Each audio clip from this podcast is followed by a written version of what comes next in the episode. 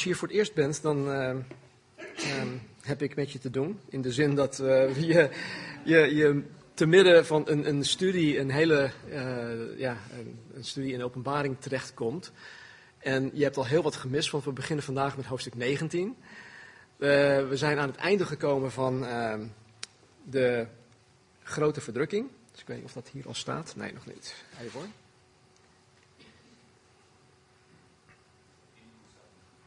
Nee? Hij staat op. Hij staat op twee. Oké. Ehm, we zijn dus nu aan het einde van de zeven jaren, uh, of de zevenjarige verdrukking gekomen. En um, beginnend met hoofdstuk 19 uh, eh, is de verdrukkingperiode over. En nu zitten we dus hier. Wat we vanmorgen gaan behandelen is nog niet de wederkomst van Jezus Christus. Dat komt later in het hoofdstuk. Maar uh, vanuit een tijdlijn um, zit dat er wel aan te komen, hoofdstuk 19. En dan vanaf hoofdstuk 20 uh, eh, gaan we het duizendjarig vrederijk in. En vervolgens uh, komt het nieuwe Jeruzalem, nieuwe hemel, nieuwe aarde. En dan gaan we echt de eeuwigheid in. Dus vanaf dit moment, we, hebben, we, hebben, heel lang in de verdrukking gezeten. Hè, van hoofdstuk 6 tot en met hoofdstuk 18 heel veel ellende gezien, heel veel meegemaakt in de zin dat het heel zwaar was, het was heftig, het was triest en al, al dat soort dingen. En um, nu, is het, nu is het alleen maar goed nieuws.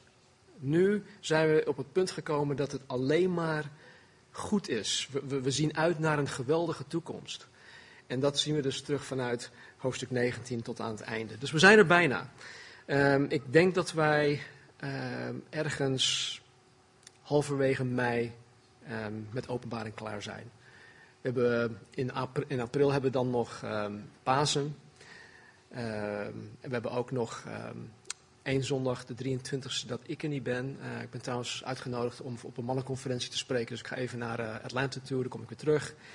Casper spreekt dan op die, die zondag, de 23e. Uh, ik weet niet of hij dan doorgaat met, uh, ik denk het haast niet, uh, met, met openbaring. Ik denk dat hij iets vanuit Leviticus eh, met jullie gaat delen. Maar dan hebben we weer twee zondagen die we dan missen, Pasen en die zondag. Dus dat schuift het een beetje op naar eh, halverwege mei. Dus ehm, we zijn er bijna. Oké, we pakken het vandaag dus op in openbaring 19. En wij beginnen met de reactie in de hemel op het einde van het eeuwenoud conflict tussen Babylon en Gods koninkrijk. Nou, Babylon hebben we de afgelopen twee zondagen over gehad. In hoofdstuk 17 hebben we gezien hoe religieus Babylon is gevallen. In hoofdstuk 18 hebben we gezien hoe politiek en commercieel Babylon is gevallen. En de respons op aarde is dat alle wereldleiders alle zakenlui, alle zakenmensen, alle zeelieden huilden en zij treurden en rouw bedreven over de val van Babylon. Babylon was alles voor hun. Het leven hier op aarde, het leven zonder God, dat was voor hun alles. En ze treurden om het feit dat Babylon dus um, vernietigd werd. In de hemel zullen we een geheel andere respons zien. En daar pakken we het verhaal vanmorgen dus ook op in uh, openbaring 19. Dus, laat je, dus sla je Bijbels open op 19, openbaring 19. En dan uh, lezen we vanaf vers 1 uh, ehm, tot met 10. En hierna hoorde ik een luide stem van een grote menigte in de hemel zeggen. Halleluja. De zaligheid, de heerlijkheid, de eer en de kracht zij aan de Heere, onze God. Want zijn oordelen zijn waarachtig en rechtvaardig omdat hij de grote hoer geoordeeld heeft, die de aarde te gronden heeft gericht met haar hoererij. En omdat hij het bloed van zijn dienstknechten aan haar gewroken heeft. En zij zeiden voor de tweede keer, halleluja. En haar rook stijgt op in alle eeuwigheid. En de 24 ouderlingen en de vier dieren wierpen zich neer, aanbaden God die op de troon zit en zeiden, amen, halleluja. En er kwam een stem uit de troon die zei: Loof onze God, al zijn dienstknechten en hem die vrezen, kleine en grote. En ik hoorde zoiets als een geluid van een grote menigte en als een gedruis van vele wateren en een geluid als van zware donderslagen. Halleluja, want de Heere, de Almachtige God, is koning geworden. Laten we blij zijn en ons verheugen en hem heerlijkheid geven, want de bruiloft van het lam is gekomen en zijn vrouw heeft zich gereed gemaakt. En het is haar gegeven zich met smetteloos en blinkend fijn linnen te kleden, want dit fijne linnen, linnen zijn de gerechtigheden van de heiligen. En hij zei tegen mij, schrijf, zalig zijn zij die geroepen zijn tot het avondmaal van de bruiloft van het lam. En hij zei tegen mij, dit zijn de waarachtige woorden van God. En ik viel voor zijn voeten neer om hem te aanbidden, maar hij zei tegen mij, pas op dat u dat niet doet. Ik ben een mededienstknecht van u en van uw broeders, die het getuigenis van Jezus hebben. Aanbid God. Het getuigenis van Jezus is namelijk de geest van de profetie. Tot zover. Het einde van het conflict tussen goed en kwaad is op dit moment bijna helemaal over. Bijna. Er moet nog één ding gebeuren. Jezus moet terugkomen en de slag aan Armageddon moet nog plaatsvinden. Dus het is bijna over. Maar Babylon is dus voor eeuwig verdwenen. God heeft zijn recht laten zegevieren. En hij heeft het gedaan door, door al het kwade tijdens de verdrukking eschatologisch te oordelen. een paar weken geleden hebben we het gehad over Gods eschatologisch oordeel. Dat vindt plaats tijdens de verdrukkingperiode. En Gods eeuwig oordeel, dat vindt plaats in het poel des vuurs. Dus God heeft zijn recht laten zegevieren door al het kwaad uh, tijdens de verdrukking uh, eschatologisch te, te oordelen. Uh, het einde van de grote verdrukking is eindelijk gekomen. Het is nu over. En het moment is aangebroken dat Jezus Christus terug op aarde zal komen om de antichrist en de valse profeet in de poel van het vuur te werpen. En ook nog eens om de resterende aanhangers van de antichrist uit te roeien. En dat zullen we uh, de tweede helft van Openbaring 19 zien. Dus eenmaal gezuiverd van al het kwaad, zal Jezus de aarde als het ware gaan renoveren. Laat ik het even zo noemen. En wij die Jezus navolgen, zullen samen met Hem voor duizend jaar hier op aarde gaan regeren, op de gerenoveerde aarde. In Jesaja staat heel veel geschreven over het duizendjarig rijk. Uh, in andere profetieën vanuit het Oude Testament staat veel geschreven over het duizendjarig rijk. En het zal bijna zijn uh, als, als de Hof van Eden voor de zondeval. En het is de bedoeling dat wanneer Jezus terugkomt, dat hij de vloek van de zondeval ongedaan zal maken. En het is in, in die toestand dat wij samen met Jezus Christus dus hier op aarde kunnen gaan regeren. En wat een geweldig vooruitzicht hebben wij dan om nooit meer te maken te hebben met alle ellende die we nu om ons heen zien. Er zijn zoveel dingen die dus niet meer zullen gaan gebeuren. Denk even na. Kinderen worden niet meer in de moederschoot vermoord. Vrouwen worden niet meer aangerand. Kinderen worden niet meer mishandeld. Vrouwen worden niet meer mishandeld. Mannen worden niet meer. Noem maar op. En het gaat zo maar door. Alles wat om ons heen gaat zal, zal verdwijnen. Zal verdwenen zijn. En we zullen uiteindelijk in gerechtigheid kunnen gaan leven met elkaar. Waar Gods gerechtigheid, Gods liefde, Gods genade, alles wat Hij is, alles wie Hij is, zal gaan heersen. Dus we zullen samen met Hem voor duizend jaar regeren op deze gerenoveerde aarde. En dit wordt genoemd het duizendjarig vrederijk. En dat zullen we zien in Openbaring hoofdstuk 20. Het is dus ja, eigenlijk heel logisch. Het is ook zeer passend dat de hemel lovend en prijzend reageert op al wat God gedaan heeft. Tot op dat moment. Het is dus logisch en, en ook passend dat de hemel lovend en prijzend reageert op al wat op dit moment nog staat te gebeuren. Want er staat nog heel wat te gebeuren op dit moment. En wat staat te gebeuren is alleen maar goed. Dus de hemel die, die, die gaat uit letterlijk, nou letterlijk misschien niet, maar figuurlijk uit haar dak om de Here te loven en te prijzen. En het eerste wat uit, uit hun mond komt is halleluja. Halleluja. Hierna hoorde ik een luide stem van een grote menigte in de hemel zeggen: Halleluja. De zaligheid, de heerlijkheid, de eer en de kracht zij aan de Heere onze God.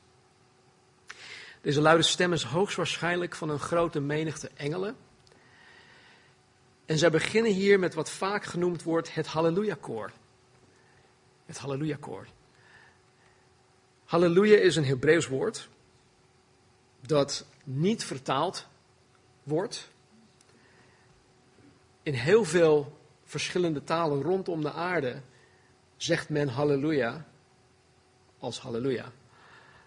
Is it like that in, ja? Oké, ja, zij beamen dat. In Siberia zegt men halleluja. En in Hongarije? Halleluja. Kijk, nog andere, Australië, in Australië, dus je halleluja? Halleluja, zie? I'm, I'm speaking the truth. Nee, dus het, het, het, het is een Hebreeuws woord dat in het Grieks, het Nederlands, het Engels en nog veel meer talen gewoon hetzelfde is. Voor zover ik weet zeggen we overal halleluja. En halleluja betekent prijs de Heer. Prijs de Heer of loof de Heer. En aan de hand van de psalmen uh, werd dit woord oorspronkelijk door de Joden gebruikt. Maar door de jaren heen later werd het ook door de christenen uh, overgenomen. Dit is, wel, dit is wel interessant voor mij. Uh, ik vind het interessant. Het woord halleluja komt slechts vier keer voor in het Nieuw Testament. Slechts vier keer. En alle vier keren komt het voor in de eerste zes versen van Openbaring 19. Dus doe daarmee wat je wil.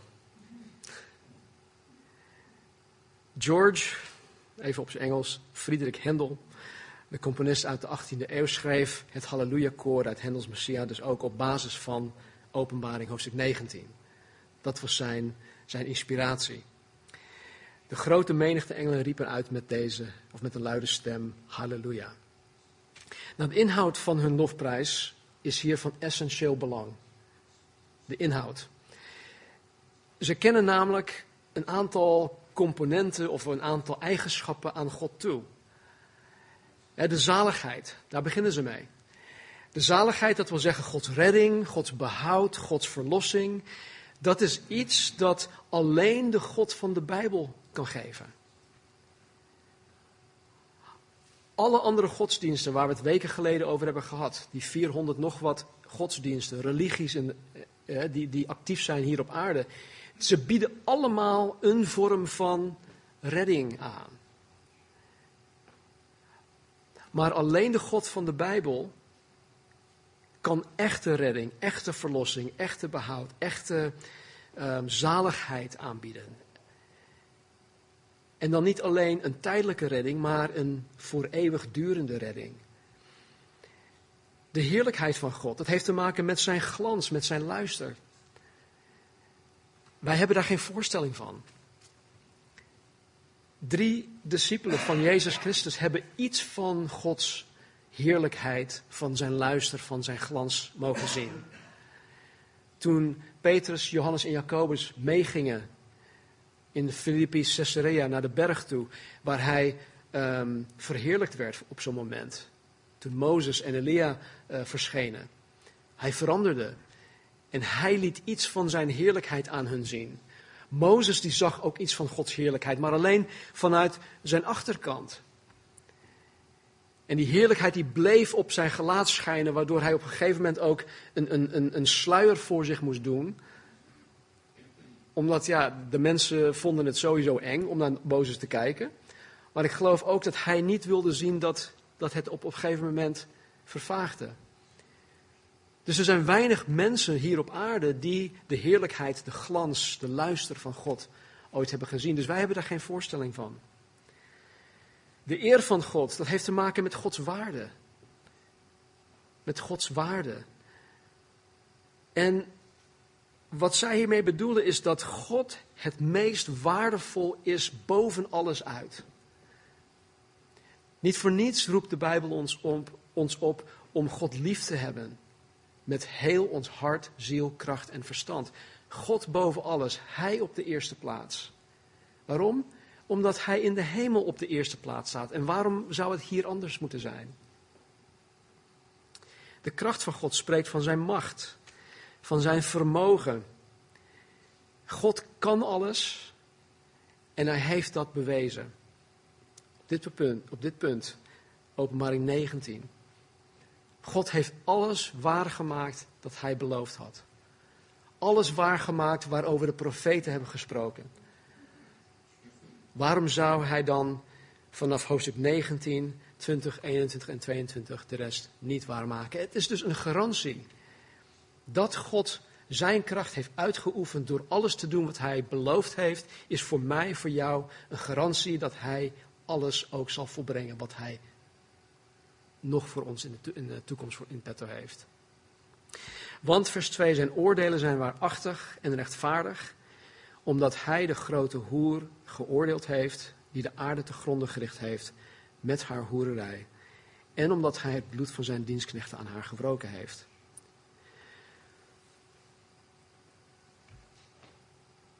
Weet je, hoe tragisch en hoe triest het ook is dat God alle aanhangers van Babylon in hoofdstuk 17 en 18 heeft vernietigd, heeft God dit in alle waarachtigheid en in alle rechtvaardigheid gedaan. Ik post um, wekelijks nadat we de, de video en de, de, de preek online hebben gezet, post ik het op onze Facebookpagina van de Calvary Chapel. En dan uh, zet ik meestal iets uh, in zo'n in zo'n post van, van waar de preek over gaat. Ik probeer meestal iets prikkelend neer te zetten. En um, er zijn mensen die dat dan liken. Er zijn ook mensen die dat niet liken of minder liken. Maar vaak um, kom ik een respons tegen van dat dat heel triest is. Wat er allemaal gaat gebeuren. Hè? Want we zijn, dan, we zijn er nog niet. We zijn niet in de grote verdrukking. En, en de respons is, joh, dat is allemaal zo triest. En, en soms krijg ik dan ook zelfs um, uh, in een privébericht dat, um, dat God niet eerlijk is, dat God niet rechtvaardig is, dat hoe kan een liefdevolle God hè, dit allemaal toelaten en doen. En mensen vinden God dan gewoon niet eerlijk of rechtvaardig. En, en de vraag is, want ja, hoe, kan een liefdevolle, rechtvaardige God hele volkeren uitroeien? Hele mensengroepen. Hoe kan een rechtvaardige God al deze mensen tijdens de verdrukking vernietigen? Dat rijm ik niet met de liefde van Christus. er zijn mensen die alleen maar over de liefde van Christus willen hebben. Als je begint met gehoorzaamheid aan Christus, of als je begint aan met, met hey, je moet jezelf verloochenen, je kruis opnemen en dan Jezus Christus navolgen, nou, daar, daar hebben ze geen oor naar. Maar de liefde, de genade, de, de, de saamhorigheid, het lekker gevoel van Jezus, dat wil iedereen wel. Weet je, en dus hoe kan dat? Nou, ik denk de reden dat mensen God niet rechtvaardig en eerlijk vinden, is omdat mensen God meten met een menselijke en een, en, wereldse maatstaven. En menselijke en wereldse maatstaven die zijn beperkt. Die zijn nou eenmaal beperkt door de zondeval. Kijk, als, als we alleen al kijken naar ons eigen gerechtelijk systeem. Hoe kapot het is.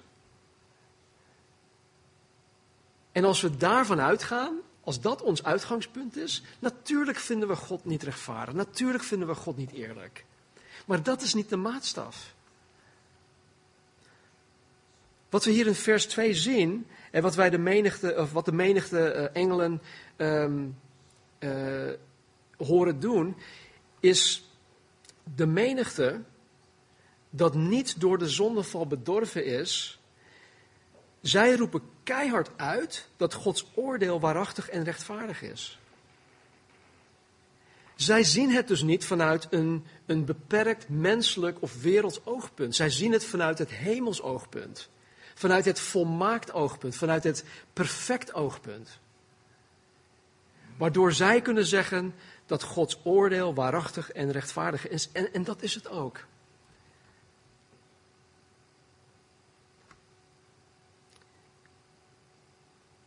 Ik geloof echt dat als, als iemand God niet eerlijk vindt, of als iemand vindt dat God niet rechtvaardig is, of dat hij niet rechtvaardig handelt, dan kent die persoon God niet. Dan kent, dan kent hij of zij God gewoon niet. Althans, niet hoe God gekend wil worden. Het oordeel en de straf dat Babylon van God gekregen heeft, is terecht. Want Babylon heeft vanaf Genesis 11, vanaf Babel, tot op de dag van vandaag en nog tot in in de verre toekomst, of de hoop, hopelijk niet de verre toekomst, maar de nabije toekomst. Babylon heeft de mensheid, de kroon van Gods schepping, op allerlei manieren te gronden gericht. Babylon is daar de schuldige van.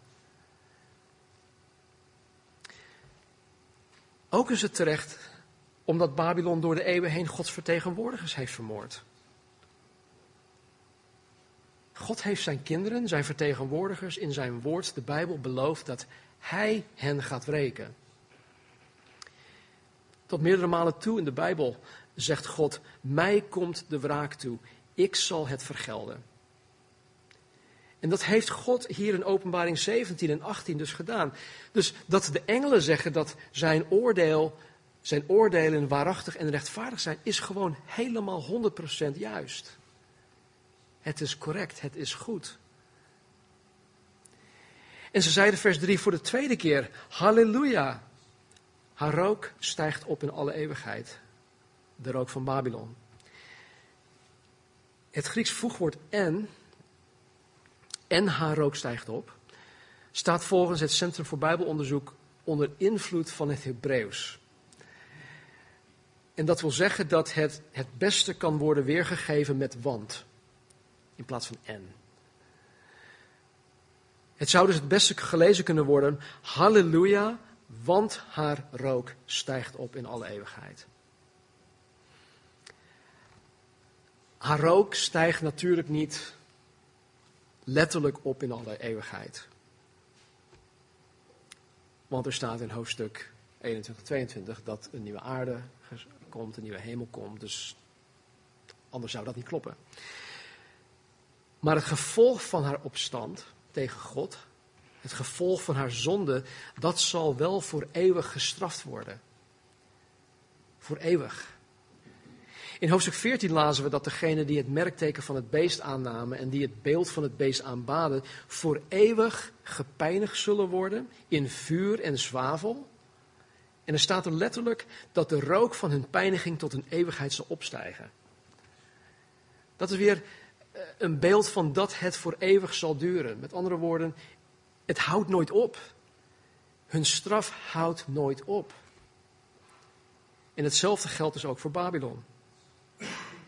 Vers 4. En de 24 ouderlingen en de vier dieren, dieren wierpen zich neer, aanbaden God die op de troon zit en zeiden: Amen. Halleluja.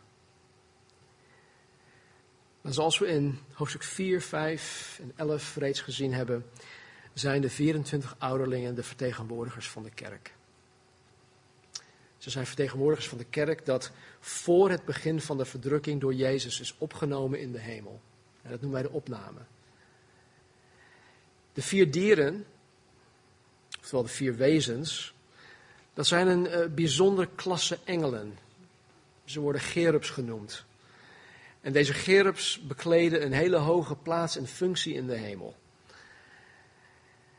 En we hebben het ook, ook al eerder over gehad dat Satan, volgens Ezekiel 28:14, was een van de gerubs. Ezekiel 28 noemt hem zelfs, dat God spreekt, noemt Satan een gezalfde gerub. En maar in plaats van dat hij de door God aangewezen plaats bleef bekleden, dat hij daar tevreden mee was, verhief hij zich boven al de andere gerubs en hij wilde de plaats van God nemen. God innemen.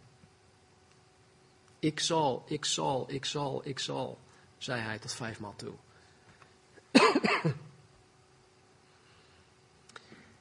Het is passend dat zowel de kerk, dus door de 24 ouderlingen, als ook deze vier gerubs amen zeggen. Want amen is bevestigend, het is ook instemmend. Dus niet alleen de menigte engelen zeggen dat Gods oordelen naar waarheid en gerechtigheid of rechtvaardigheid zijn uitgevoerd. Nu, bevestigt, nu bevestigen de kerk en deze vier gerubs het ook. Ze zeggen amen, ja. Wat jullie net hebben gezegd, daar, daarop zeg ik amen. En vervolgens, terwijl zij zich voor God hebben neergeworpen, zeggen zij halleluja. Oftewel, prijs de Heer. Vers 5. En er kwam een stem uit de troon die zei: Loof onze God, al zijn dienstknechten en, en die hem vrezen, kleine en grote. Nadat de menigte engelen, de 24 ouderlingen, de vier wezens hun, allemaal hun, hun halleluja's hebben uitgeroepen, komt nu een, een soort van ja, een, een universele oproep. Niet universeel in de zin dat iedereen gered gaat worden op aarde, maar universeel in de hemel. Komt een, een oproep om God te loven en te prijzen. De stem dat uit de troon kwam zei: Loof onze God. Al zijn dienstknechten die hem vrezen, kleine en grote. Dat omvat iedereen die in de hemel is. En dan hebben we niet over kleine en grote van lengte, maar belangrijkheid, denk ik. De woorden loof onze God, dat vond ik ook wel interessant. Ik weet niet of dit goed verwoord hoor, maar de woorden loof onze God is een Griekse, uh, op gebiedende wijs vertaling van het Hebreeuws halleluja.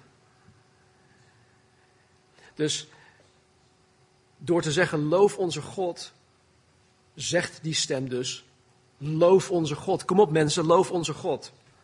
Het is gebiedende wijs. En het is een vertaling vanuit het Hebreeuws in het Grieks um, van het woord halleluja. Al Gods dienstknechten, kleine en grote, worden dus opgeroepen om hun halleluja's tot God uit te roepen. En tot slot vers 6. En ik hoorde zoiets als een geluid van een grote menigte en als een gedruis van vele wateren en een geluid als van zware donderslagen. Halleluja, want de Heere, de Almachtige God, is koning geworden, oftewel regeert. Dus naar aanleiding van de oproep om God te loven, loof de Heer, hoort Johannes een geluid. En hij zegt dat het geluid klinkt als een grote menigte. Dat geluid klinkt als een, een, een gedruis van een gigantisch waterval. Als jullie ooit naar de uh, Niagara Falls zijn geweest of de Victoria Falls in Afrika, dan heb je, een enig, heb je enig idee van hoe, hoe dat geluid, hoe, hoe denderend dat geluid is. Het is oorverdovend. En dat geluid hoorde hij. Een geluid dat klinkt ook als zware donderslagen. Maar in al dat geluid hoort hij toch iets dat dat, um, dat waarneembaar is. En dan hoort hij de hemelse menigte uitroepen of uitzingen uit volle borst. Halleluja, want de Heere, de Almachtige God, is koning geworden. Het is niet zo dat de Heere, de Almachtige God, nu al niet koning is. Want dat is Hij.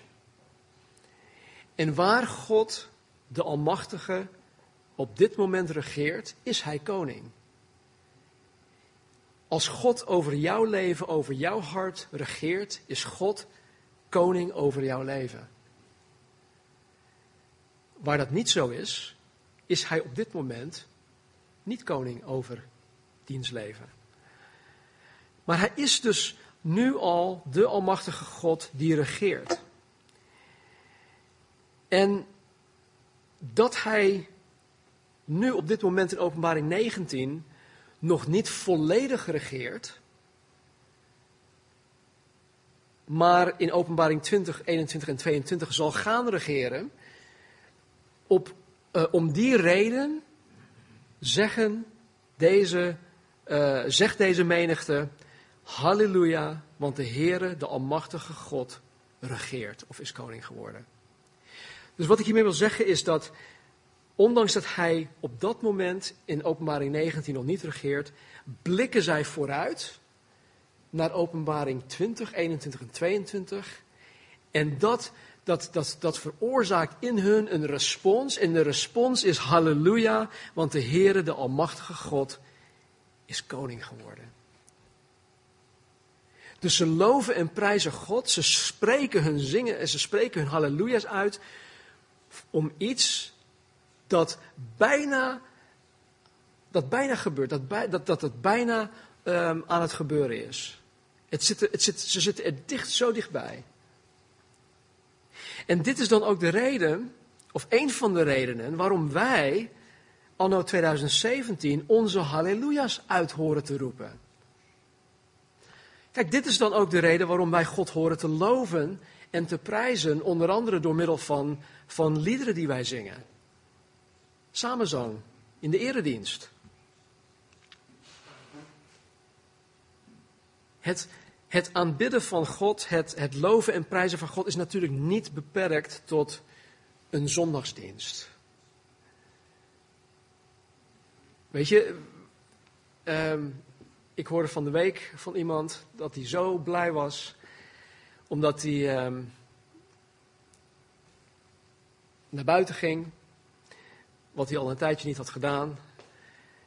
En de hele tijd was hij gewoon overspoeld door Gods goedheid. En vanuit het diepst van, van zijn binnenste begon hij gewoon spontaan God te loven en te prijzen. In zijn eentje, in zijn uppie, met of zonder muziek, weet ik niet, maar gewoon. Weet je, en, en, en dat is iets dat, dat, ja, dat, dat, dat is iets dat God doet. Het is iets in ons binnenste. Het is een respons. Weet je, toen ik pas tot bekering was gekomen, vroeg ik me af waarom er altijd gezongen werd in de kerk. Ik weet niet of jullie dat ooit hebben gevraagd of afgevraagd. Ik zag er eigenlijk, eh, eh, ja, ik zag het nut er niet echt van in. Ik zag het als een soort van, uh, van warm-up voor de preek. Al een soort van inloopperiode voor de kerkdienst. Ik kwam destijds eigenlijk alleen naar de eredienst toe om de preek te horen. Dus als ik iets later kwam, weet je, tijdens het zingen, maakte het niet zoveel voor me uit. En eh, er zijn sommige mensen die dat, die dat gewoon zo zien. Ah joh, maakt niet uit, we komen gewoon tijdens het zingen. Niet beseffende dat dat juist het moment is wanneer wij een respons kunnen geven op God en dat we dat kunnen uiten door middel van de woorden te mogen bezingen. God mogen te bezingen door middel van die woorden, die teksten. En het is juist een cruciaal moment in, het, in de eredienst, want op dat moment geven wij God ook de eer. Door Hem te bezingen, door over Hem te zingen.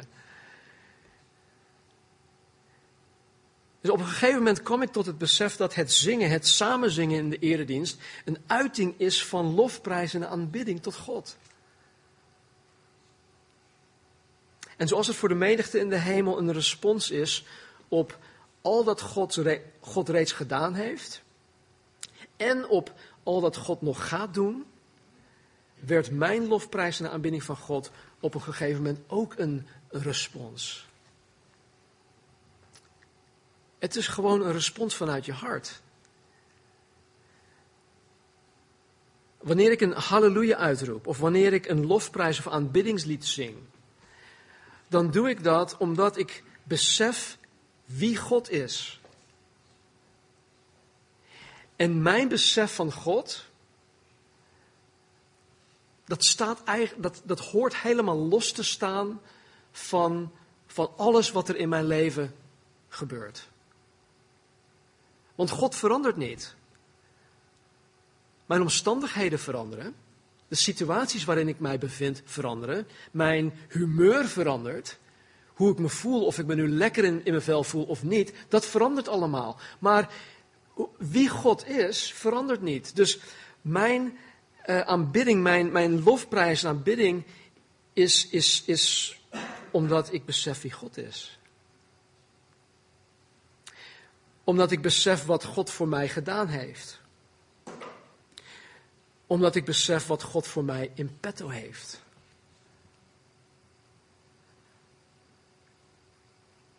Omdat ik de zekerheid heb van wat God in de toekomst gaat doen. Omdat ik besef dat God mijn lofprijs en aanbidding waard is. En dat, dat, dat, dat Hem mijn lofprijs en aanbidding toekomt.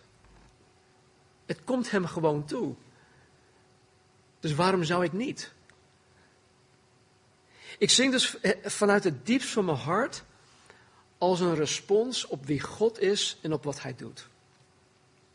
Nou, luister goed. Als ik dan geen respons in mijn hart heb, dan ben ik mijn zicht op God kwijtgeraakt. Als ik geen respons in mijn hart heb naar God toe, dan ben ik mijn zicht op God kwijtgeraakt. Dan heb ik mijn hart, mijn ogen, mijn aandacht op iets anders gericht.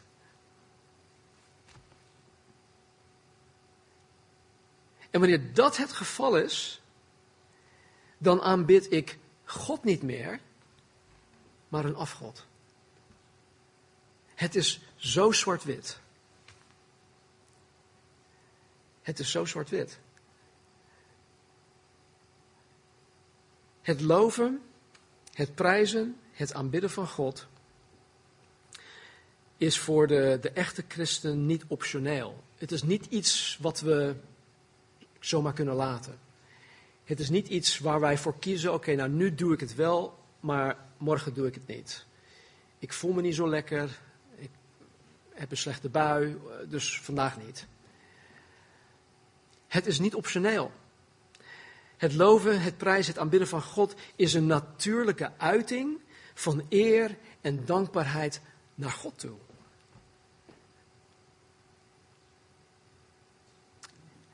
Het gebeurt gewoon. Het hoort gewoon te gebeuren. We hadden het laatst met eh, een buurman over, uh, over honden. Hij heeft zelf twee honden, wij hebben honden gehad.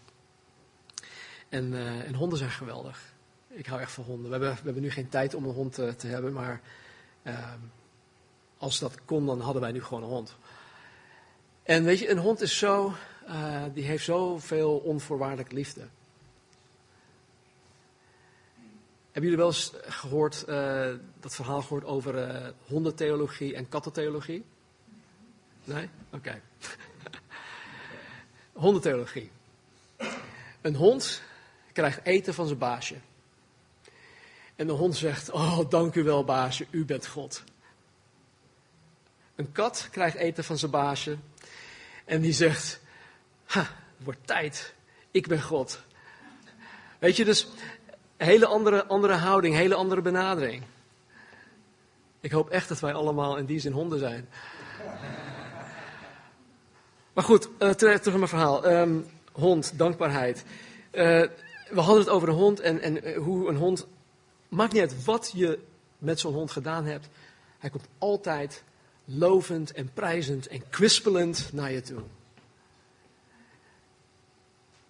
Al ben je een half uurtje weg geweest. Al ben je de hele dag weg geweest. Dat maakt, die hond die gaat helemaal uit zijn dak wanneer hij jou ziet. En dat is een beetje, denk ik, te vergelijken met hoe wij God horen te aan. Het zit er gewoon in.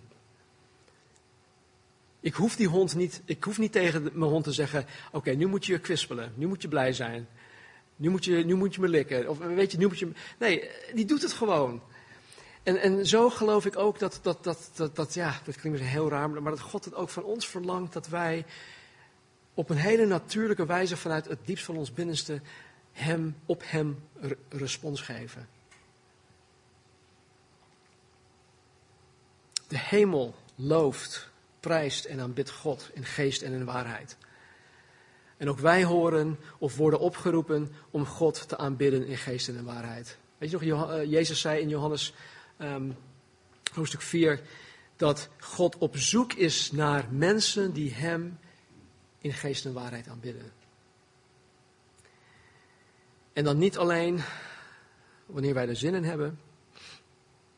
Niet alleen wanneer God iets fantastisch heeft gedaan. Maar juist wanneer het leven tegenzit. Weet je, het is zo makkelijk hè, wanneer uh, we een meevaller hebben. Of wanneer God dan een, een gebed verhoord heeft. En uh, maakt niet uit wat het is. Zodra het gebed verhoord is, man, dan is God goed. Oh, God is zo goed. Peter, God is goed, man. Weet je, dan, dan is God gewoon goed. Maar hebben wij nog steeds dat gevoel of het idee of de discipline om te weten, om te denken, om te beamen, om te uiten dat God goed is wanneer er allerlei rotzooi, allerlei poep over je heen komt, wanneer het juist tegenzit? Ik zeg het even mijn eigen woorden, maar een zekere A.W. Tozer heeft gezegd dat al doet God nadat God hem gered heeft helemaal niets meer in zijn leven, al verhoort God geen enkel gebed, dan heeft hij meer dan genoeg reden om God te blijven loven, te prijzen en te aanbidden.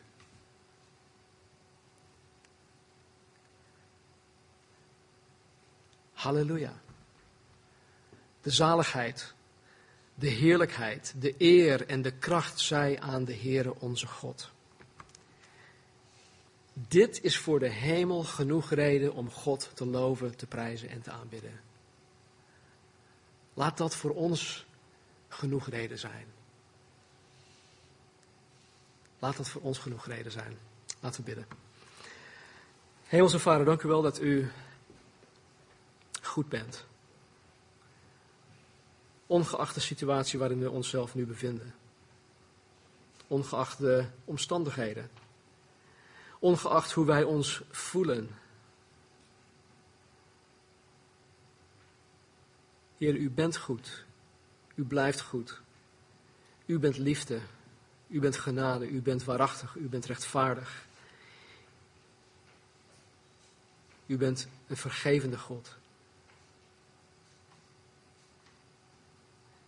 Een reddende God. U bent een liefdevolle Vader.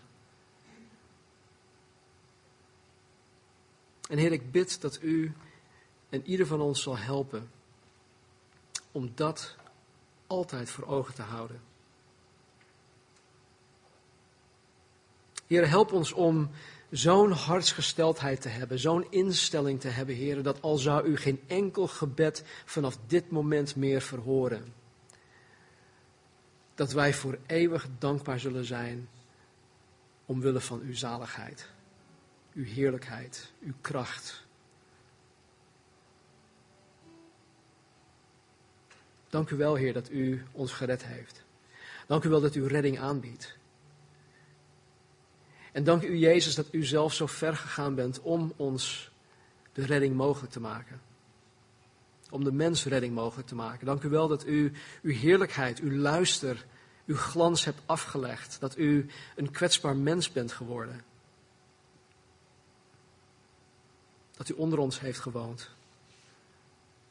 Dat u de mens heeft gediend, bediend. En dat u tot het uiterste bent gegaan om al de zonde van alle mensen in alle tijden op uzelf heeft genomen, terwijl u zelf voor 100% onschuldig bent. Dank u wel dat u mijn straf op u genomen hebt. Dank u wel, Heer, dat u in mijn, in onze plaats aan het kruis gestorven bent.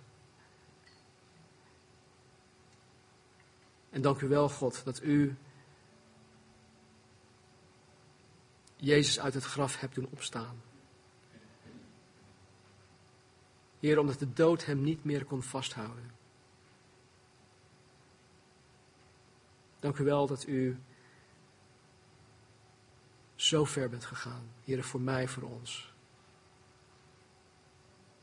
Dus Heer, doordring ons van het feit dat u onze lofprijs, Heer, onze aanbidding, waardig bent. U en u alleen. En heren, misschien hebben sommigen van ons u uit het oog verloren. Heren, misschien hebben sommigen van ons ehm, het nagelaten om, om u te zien zoals u bent. Heren, breng ons terug. Zet ons zicht, gezichtvermogen weer op scherp. Zodat we u zien, Heer, in alle waarheid, in alle heerlijkheid. En help ons, Heer, vanuit het diepst van ons hart. Heer, de respons te geven. Heer, door middel van lofprijs en aanbidding. En niet alleen hier, maar Heer, elke dag opnieuw. Help ons om ook een, een discipline in ons leven te bouwen. Heer, dat we gewoon zeggen, ongeacht hoe ik me voel, ongeacht de situatie waarin ik, waarin ik me bevind, zal ik u, koste wat kost, loven, prijzen en aanbidden. Help ons daarbij. En Heer, als we zo meteen het heilige avondmaal gaan nuttigen, bid ik, Heer, dat u ons helpt om ja, te beseffen, Heer, dat u ons schoongewassen hebt met uw bloed. Dat wij vanmorgen, zoals elke morgen weer, Heer, opnieuw mogen beginnen. Heer, dat wij met een schone lei mogen beginnen. U weet het, maar vaak weten wij het niet. En we klampen ons vast, Heer, aan het verleden. Aan dingen die wij gedaan hebben, aan dingen die ons aangedaan zijn. Help ons om al deze dingen los te laten. Help ons om vanmorgen, Heer, gewoon opnieuw te beginnen. In nieuwheid des levens. Dus Heer, zegen in ieder van ons alstublieft. Geef ons moed, geef ons kracht. Bemoedig ons om te volharden. Bemoedig ons, Heer, om uit te zien, uit te kijken naar het moment dat U komt om ons op te nemen.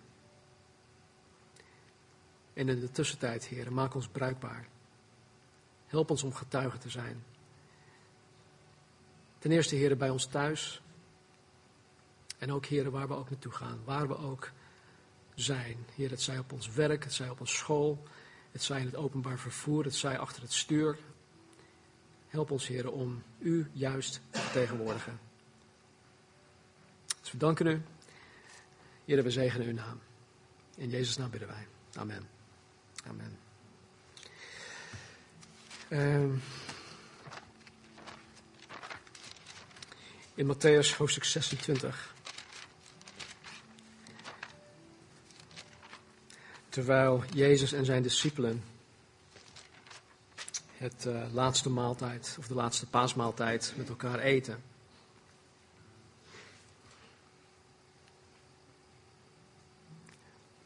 legt Jezus uit dat um, hij een nieuw verbond afsluit met de mensheid. En in dat nieuw verbond maakt Jezus het mogelijk om tot God de Vader te kunnen komen. Wat in het oud verbond slechts mogelijk was door de hoge priester, die dan één keer per jaar op de grote verzoeningsdag toegang kreeg tot het heiligdom, waar God zogenaamd was. Of was.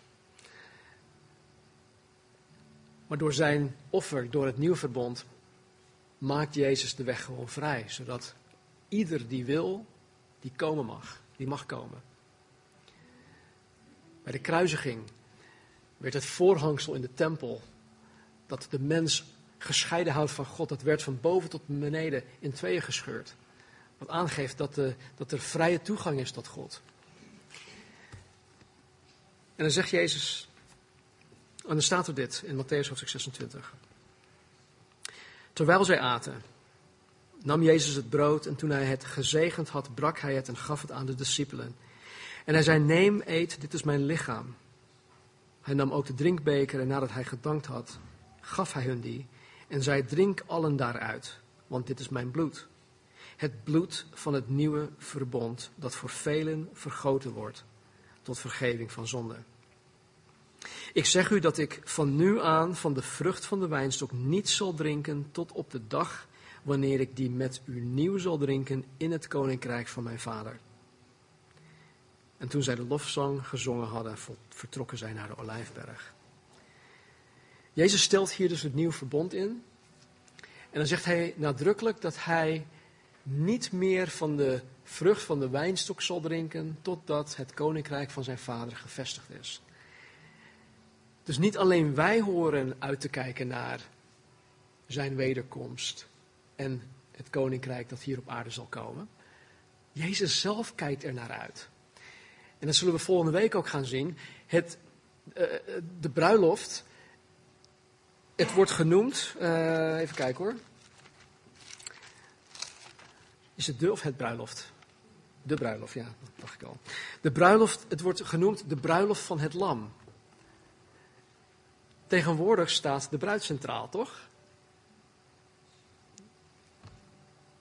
En daar is niks mis mee. Maar bij Jezus gaat zijn bruiloft om hem. Dat wil zeggen dat wij als bruid zijnde er niet alleen uh, uh, naartoe kijken, maar Jezus zelf kijkt vooruit. En hij kijkt er naar uit.